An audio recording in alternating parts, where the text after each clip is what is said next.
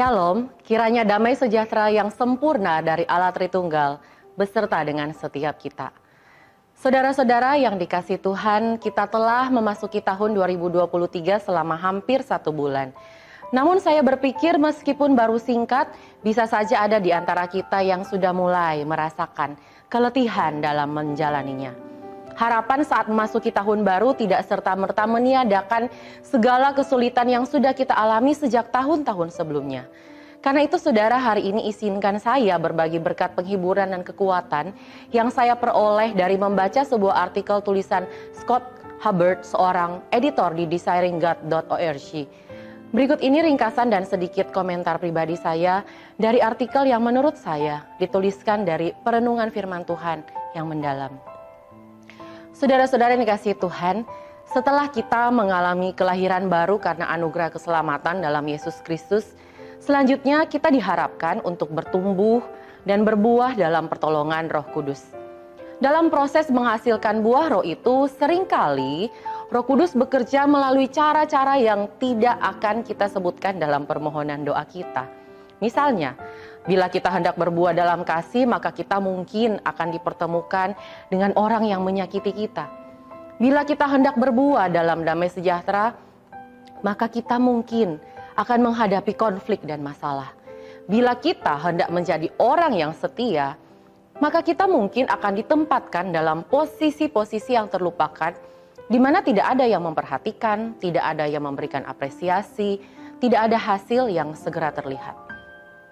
Tempat-tempat yang terlupakan itu bisa saja berada dalam keseharian kita yang monoton dan mungkin membosankan.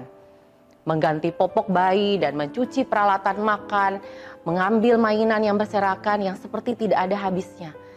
Bermacet ria menuju tempat kerja di bawah terik matahari, tuntutan pekerjaan dan keluhan klien yang beraneka ragam, PR dan ujian sekolah yang kian berdatangan, latihan demi latihan ibadah yang terus berputar sepanjang tahun. Anak-anak yang beranjak remaja dan mulai mengeluarkan argumen, relasi dengan pasangan yang mungkin mulai hambar, pelayanan misi yang sering kali sepi peminat dan belum memperlihatkan hasil. Apa pun bentuknya saudara, setiap kita sering kali berada dalam tempat-tempat yang terlupakan tersebut, bahkan ada yang terus-menerus berada di dalamnya. Oswald Chambers menulis demikian, kita tidak memerlukan anugerah Allah untuk menjadi seorang yang tahan menghadapi krisis. Natur manusia dan rasa bangga cukup membantu kita menghadapi segala ketegangan tersebut. Tetapi kita membutuhkan anugerah Allah yang supranatural untuk bisa tetap hidup sebagai orang kudus setiap hari selama 24 jam. Untuk bertahan menghadapi pekerjaan yang membosankan, untuk menjalani hidup yang biasa dan tidak terlihat, bahkan sering kali terabaikan sebagai seorang murid Kristus. Saudara perkataan Chambers itu mungkin terdengar agak berlebihan. Tetapi maksud yang disampaikan benar adanya. Sangat tidak mudah bagi kita untuk tetap konsisten menjalani hidup sebagai seorang murid Kristus dalam tempat dan kondisi yang terlupakan tersebut. Namun saudara-saudara, kabar baiknya adalah ketika Allah mengirim kita ke tempat dan kondisi yang terlupakan dan tidak menyenangkan seperti itu, Allah juga turut bersama dengan kita di sana. Allah selalu dekat saat kita susah. Ia menghitung setiap jeripayah yang kita lakukan. Ia selalu melihat setiap hal-hal kecil yang kita usahakan dalam iman dan kesetiaan. Amsal 12 ayat 22 berkata demikian.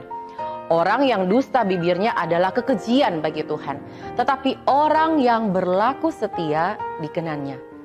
Saudara Allah senang bukan terutama karena besarnya dan hebatnya pekerjaan yang dilakukan, tetapi karena kesetiaan dari para pekerjanya. Hudson Taylor, seorang misionaris tentu sangat meyakini kebenaran tersebut dalam menjalankan misinya, sehingga ia bisa berkata, hal kecil adalah hal kecil, tetapi kesetiaan dalam melakukan hal-hal yang kecil adalah hal yang luar biasa. Karena itu saudara-saudara, di mana pun kita berada saat ini, Apa pun bentuk tempat terlupakan yang masih Tuhan izinkan bagi kita untuk hidup di sana, marilah kita tetap bertahan dan berjuanglah.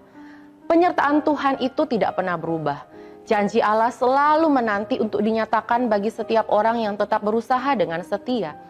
Setiap hal kecil yang kita lakukan dengan konsisten dan setia di hadapan Tuhan, baik dalam perkataan, pikiran, postingan, chattingan, perasaan, dan tindakan kita akan diperhitungkan benar olehnya. Sebagaimana perkataan Rasul Paulus dalam 2 Korintus 5 ayat 10 demikian. Sebab kita semua harus menghadap tahta pengadilan Kristus, supaya setiap orang memperoleh apa yang patut diterimanya sesuai dengan yang dilakukannya dalam hidupnya ini, baik ataupun jahat. Kiranya Allah Tritunggal menolong dan memberkati setiap kita. Amin.